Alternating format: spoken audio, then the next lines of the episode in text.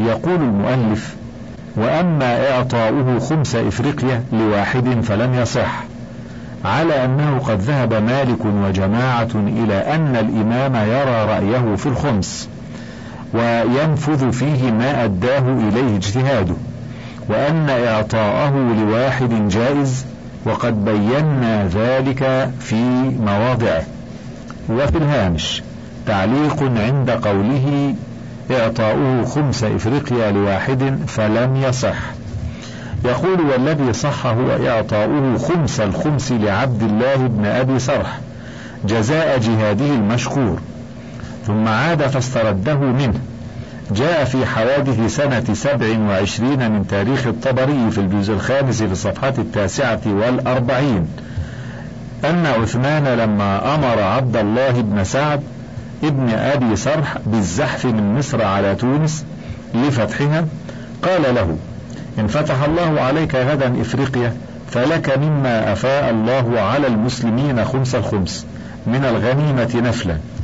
فخرج بجيشه حتى قطعوا أرض مصر وأوغلوا في أرض إفريقيا وفتحوها سهلها وجبلها وقسم عبد الله على الجند ما أفاء الله عليهم.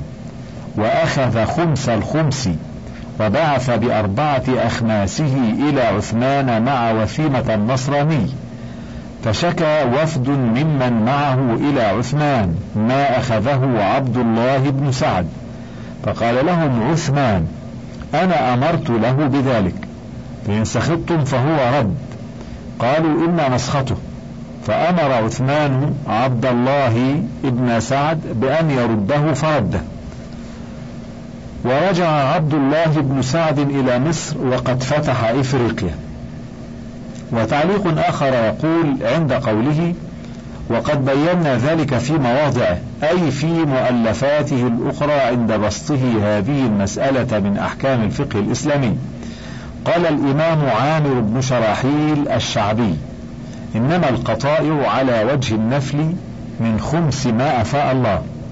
قال وأقطع عمر طلحة وجرير بن عبد الله والربيل ابن عمرو وأقطع أي عمر أبا مفزر دار الفيل وممن أقطعهم عمر بن الخطاب نافع أخو زياد وأبي بكرة لأمهما.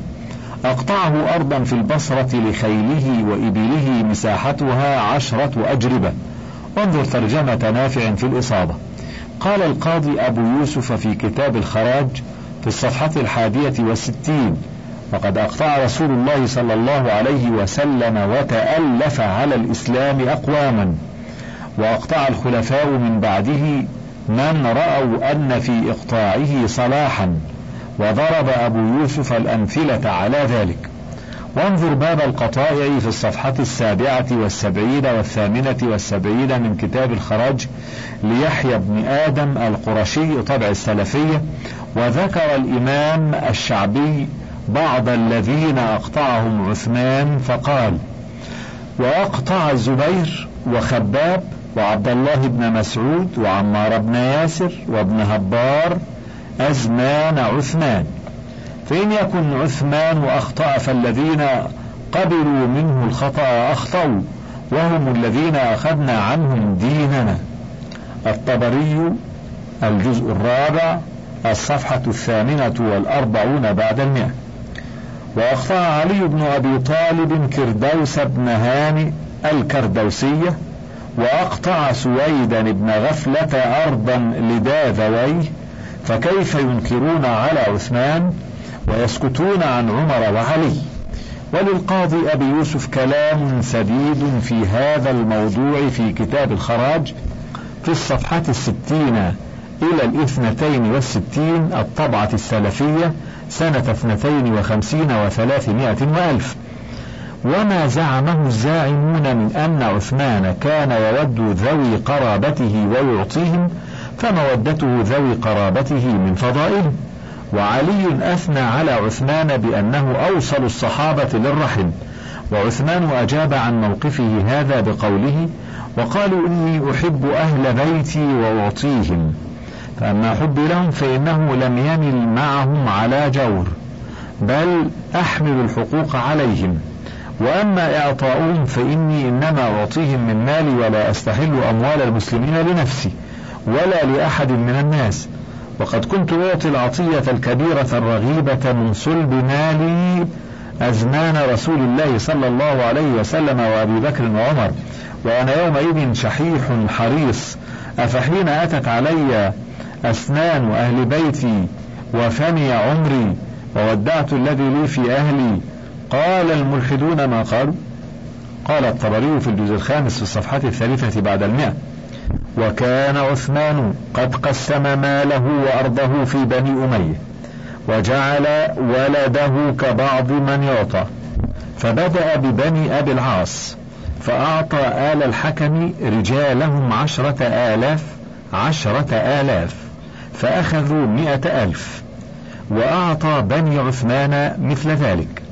وقسم في بني العاص وبني العيص وفي بني حرب بل تمادى شيخ الإسلام ابن تيمية مع أوسع الاحتمال فذكر في منهاج السنة في الجزء الثالث في الصفحة السابعة والثمانين بعد المئة أن سهم ذوي القربى ذهب بعض الفقهاء إلى أنه لقرابة الإمام كما قاله الحسن وأبو ثور وأن النبي صلى الله عليه وسلم كان يعطي أقاربه بحكم الولاية. وقيل هو لمن ولي الأمر بعده.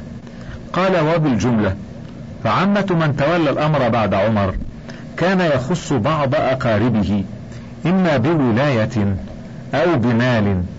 ثم قال في الجزء الثالث في الصفحة السابعة والثلاثين بعد المئتين إن ما فعله عثمان في المال له ثلاثة مآخذ أحدها أنه عامل عليه والعامل يستحق مع الغنى. الثاني أن ذوي القربى هم ذو قرب الإمام. الثالث أنهم أي ذو قرب عثمان كانوا قبيلة كثيرة ليسوا كقبيلة أبي بكر وعمر. فكان يحتاج إلى إعطائهم وولايتهم أكثر من حاجة أبي بكر وعمر إلى تولية أقاربهما وإعطائهم وهذا مما نقل عن عثمان الاحتجاج به. ونعود بعد ذلك إلى الأصل. يقول المؤلف وأما قولهم إنه ضرب بالعصا فما سمعته ممن أطاع أو عصى وإنما هو باطل يحكى وزور ينفى فيا لله وللنهي. وفي الهامش تعليق على قوله وزور ينفى يقول نفى الخبر والحديث أذاعه وأظهره. والنفى كالثناء إلا أنه في الخير والشر والثناء في الخير خاصة. ونعود إلى الأصل. يقول المؤلف وأما علوه على درجة رسول الله صلى الله عليه وسلم فما سمعته ممن فيه تقية وإنما هي إشاعة منكر ليروى ويذكر فيتغير قلب من يتغير. قال علماؤنا ولو صح ذلك فما في هذا ما يحل دمه ولا يخلو أن يكون ذلك حقا. فلم تنكره الصحابة عليه إذ رأت جوازه ابتداء أو لسبب اقتضى ذلك وإن كان لم يكن فقد انقطع الكلام. وفي الهامش تعليق كان مسجد رسول الله صلى الله عليه وسلم ضيق المساحة في عصر النبوة. وفي خلافة أبي بكر وكان من مناقب عثمان في زمن النبي صلى الله عليه وسلم عندما زاد عدد الصحابة أن اشترى من ماله مساحة من الأرض وسع بها المسجد النبوي. ثم وسعه أمير المؤمنين عمر فأدخل فيه دار العباس بن عبد المطلب. ثم ازداد عدد المصلين بازدياد عدد سكان المدينة وقاصديها فوسعه أمير المؤمنين عثمان مرة أخرى وجعل طوله ستين ومائة ذراع وعرضه خمسين ومائة ذراع وجدد بناءه فاتساع المسجد وازدياد غاشيته وبعد أمكنة بعضهم عن منبر الخطابة يجوز أن يكون من ضرورات ارتفاع الخطيب ليراهم ويروه ويسمعوه. ونعود إلى الأصل. يقول المؤلف وأما انهزامه يوم حنين وفراره يوم أحد ومغيبه عن بدر وبيعة الرضوان فقد بين عبد الله بن عمر وجه الحكم في شأن البيعة وبدر وأحد. وأما يوم حنين فلم يبق إلا نفر يسير مع رسول الله صلى الله عليه وسلم ولكن لم يجر في الأمر تفسير من بقي ممن مضى في الصحيح وإنما هي أقوال. منها أنه ما بقي معه إلا العباس وابناه عبد الله وقثم فناهيك بهذا الاختلاف وهو أمر قد اشترك فيه الصحابة وقد عفى الله عنهم ورسوله. فلا يحل ذكر ما أسقطه الله ورسوله والمؤمنون. أخرج البخاري في كتاب فضائل الصحابة من حديث سعد بن عبيدة جاء رجل إلى ابن عمر فسأله عن عثمان فذكر عن محاسن عمله وقال لعل ذلك يسوءك. قال نعم. قال فأرغم الله أنفك. ثم سأله عن علي فذكر محاسن عمله وقال هو ذاك بيته أوسط بيوت النبي صلى الله عليه وسلم. ثم قال لعل ذلك يسوءك. قال أجل. قال فأرغم الله أنفك. انطلق فاجهد علي جهدك. وقد تقدم في حديث بني بني الإسلام على خمس زيادة فيه البخاري في علي وعثمان. وقد أخرج البخاري أيضا من حديث عثمان بن عبد الله بن موهب قال جاء رجل من أهل مصر يريد حج البيت فرأى قوما جلوسا فقال من هؤلاء القوم؟ قالوا هؤلاء قريش. قال فمن الشيخ فيهم؟ قالوا عبد الله بن عمر. قال يا ابن عمر إني سائلك عن شيء فحدثني عنه. هل تعلم أن عثمان فر يوم أحد؟ قال نعم. فقال تعلم أنه تغيب عن بدر ولم يشهد؟ قال نعم. قال هل تعلم أنه تغيب عن بيعة الرضوان فلم يشهدها؟ قال نعم. قال الله أكبر. قال ابن عمر تعال أبين لك. أما فراره يوم أحد فأشهد أن الله عفى عنه وغفر له. وأما تغيبه عن بدر فإنه كان تحته بنت رسول الله صلى الله عليه وسلم وكانت مريضة. فقال له رسول الله صلى الله عليه وسلم إن لك أجر رجل ممن شهد بدرا وسهما. وأما تغيبه عن بيعة الرضوان فلو كان أحد أعز ببطن مكة من عثمان لبعثه مكانه فبعث رسول الله صلى الله عليه وسلم عثمان وكانت بيعة الرضوان بعدما ذهب عثمان إلى مكة. فقال رسول الله صلى الله عليه وسلم بيده اليمنى هذه يد عثمان. فضرب بها على يده. فقال هذه لعثمان ثم قال له ابن عمر اذهب بها الآن معك. ونعود بعد ذلك إلى الهوامش. جاء عند قوله ممن شهد بدرا وسهمه في الهامش وبعث النبي صلى الله عليه وسلم ببشرى النصر في بدر مع زيد بن حارثة إلى عثمان في المدينة. قال أسامة بن زيد في مراه الطبري في الجزء الثاني في الصفحة السادسة والثمانين بعد المئتين فأتانا الخبر حين سوينا التراب على رقية بنت رسول الله صلى الله عليه وسلم التي كانت عند عثمان بن عفان.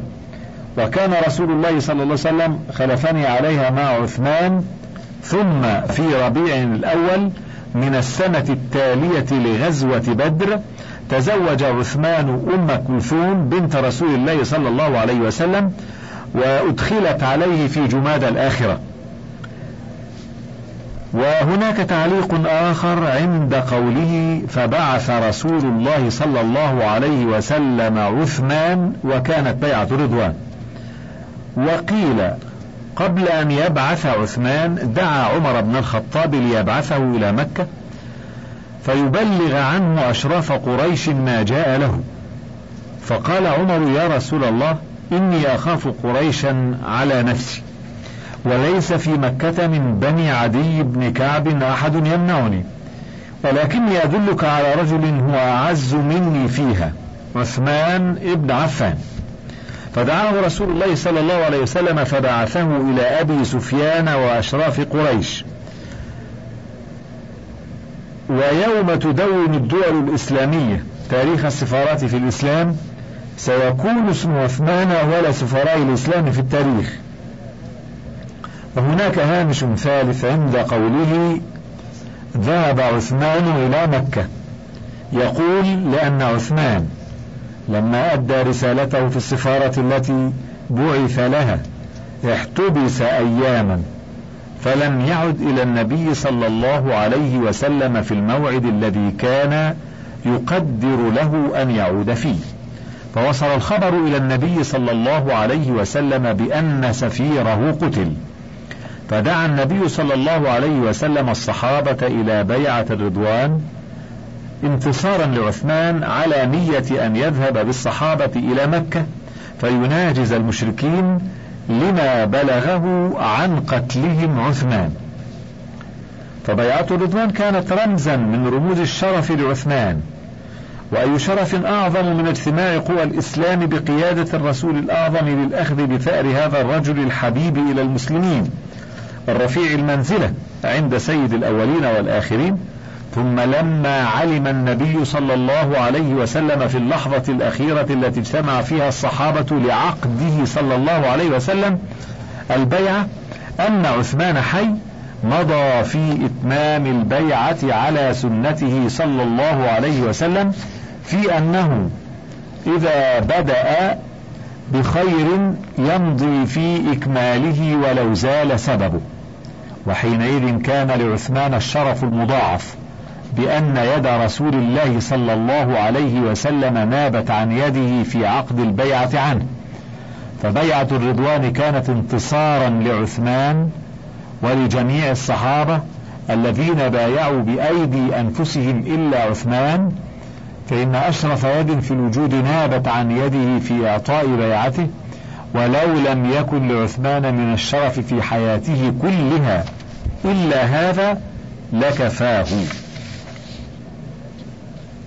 ونعود بعد ذلك إلى الأصل. يقول المؤلف وأما امتناعه عن قتل عبيد الله بن عمر ابن الخطاب بالهرمزان فإن ذلك باطل. فإن كان لم يفعل فالصحابة متوافرون والأمر في أوله. وقد قيل إن الهرمزان سعى في قتل عمر وحمل الخنجر وظهر تحت ثيابه.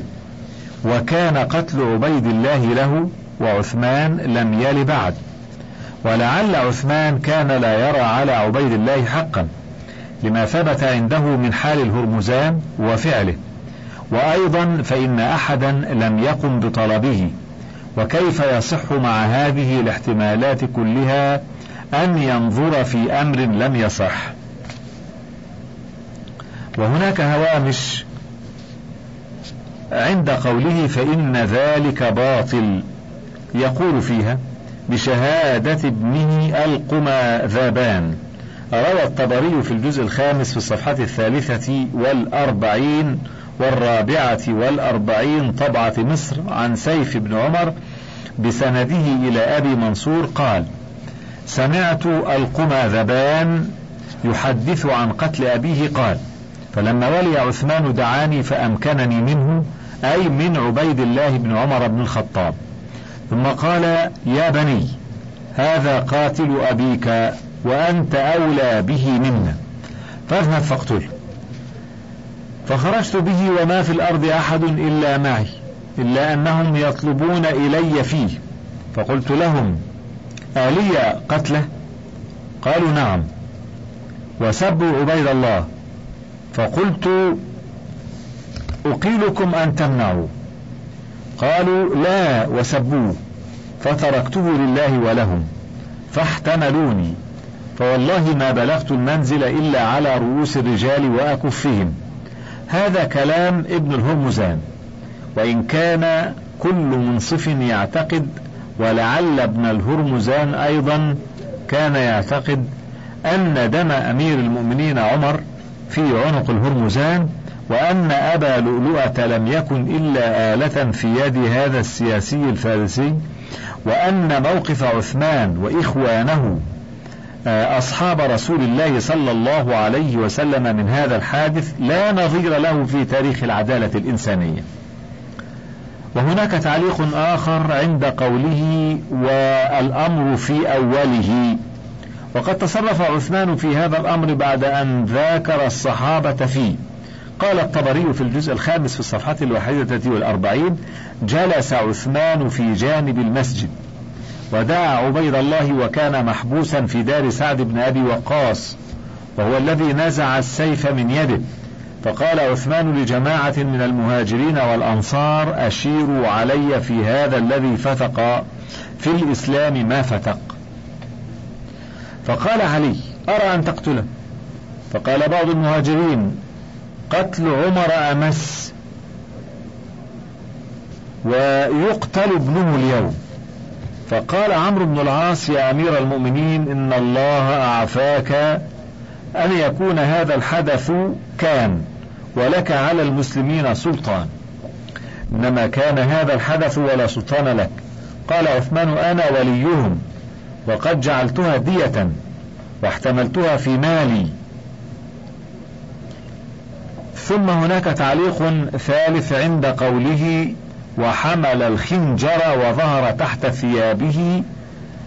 في تاريخ الطبري في الجزء الخامس في الصفحة الثانية والأربعين حديث سعيد بن المسيب أن عبد الرحمن بن أبي بكر الصديق قال غداة طعن عمر مررت على أبي لؤلؤة عشي أمس ومعه جفينة وكان نصرانيا من أهل الحيرة ظئرا لسعد بن أبي وقاص.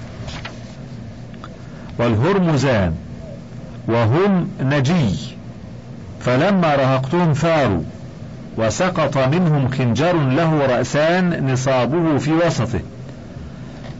فانظروا بأي شيء قتل وخرج في طلبه رجل من بني تميم فرجع إليهم التميمي وقد كان ألظ بأبي لؤلؤة منصرفه عن عمر حتى أخذه.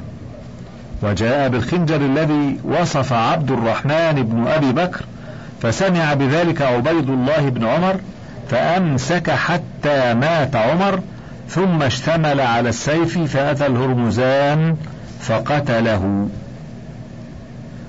تعليق آخر عند قوله لما ثبت عنده من حال الهرمزان ومن فعله. وفي الهامش يقول وكذلك حبر الأمة عبد الله ابن عباس رأى جواز قتل علوج الفرس الذين في المدينة بلا استثناء. قال شيخ الإسلام ابن تيمية في منهاج السنة في الجزء الثالث في الصفحة المئتين وقد قال عبد الله بن عباس لما طعن عمر وقال له عمر كنت أنت وأبوك تحبان أن تكثر العروج بالمدينة. فقال أي ابن عباس إن شئت أن نقتله فقال عمر كذب أفبعد أن تكلموا بلسانكم وصلوا إلى قبلتكم؟ قال ابن تيمية فهذا ابن العاص وهو أفقه من عبيد الله بن عمر وأدين وأفضل بكثير يستأذن عمر في قتل علوج الفرس مطلقا الذين كانوا بالمدينة لما اتهموهم بالفساد واعتقد جواز مثل هذا. وإذا كان الهرمزان ممن أعان على قتل عمر كان من المفسدين في الأرض المحاربين فيجب قتله لذلك. ولو قدر أن المقتول معصوم الدم يحرم قتله لكن كان القاتل متأولا ويعتقد حل قتله لشبهة ظاهرة صار ذلك شبهة تدرأ عنه القتل يعني عن عبيد الله بن عمر. قلت وإلى هذا ذهب عثمان في اكتفائه بالدية واحتملها من ماله الخاص. ولو أن حادث مقتل أمير المؤمنين عمر بن الخطاب بجميع ظروفه وقع مثله في أي بلد آخر مهما بلغ في ذروة الحضارة لما كان منهم كالذي كان من الصحابة في تسامحهم إلى حد المطالبة حتى بقتل ابن أمير المؤمنين المقتول بيد الغدر والنذالة والبغي الذميم. ونعود بعد ذلك إلى الأصل. يقول المؤلف وأما تعلقهم بأن الكتاب وجد مع راكب أو مع غلامه ولم يقل أحد قط إنه كان غلامه إلى عبد الله ابن سعد ابن أبي صرح يأمره بقتل حامليه فقد قال لهم عثمان إما أن تقيموا شاهدين على ذلك وإلا فيميني أني ما كتبت ولا أمرت. وقد يكتب على لسان الرجل ويضرب على خطه وينقش على خاتمه. فقالوا لتسلم لنا مروان. فقال لا أفعل. ولو سلمه لكان ظالما. إنما عليهم أن يطلبوا حقهم عنده على مروان وسواه. فما ثبت كان هو منفذه وآخذه. والممكن لم يأخذه بالحق.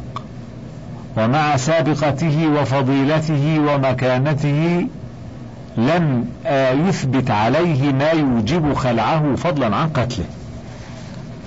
وأمثل ما روي في قصته أنه بالقضاء السابق تألب عليه قوم لأحقاد اعتقدوها ممن طلب أمرا فلم يصل إليه. وحسد حساده أظهروا دائها. وحمله على ذلك قلة دين وضعف يقين. وإيثار العاجلة على الآجلة. وإذا نظرت إليهم ذلك صريح ذكرهم على دناءة قلوبهم وبطلان أمرهم. وإلى الهوامش. يقول عند قول المؤلف ولم يقل أحد قط إنه كان غلامه. وإنما قالوا إنه غلام الصدقة أي أحد رعاة إبل الصدقة. وإبل الصدقة ألوف كثيرة لها مئات من الرعاة.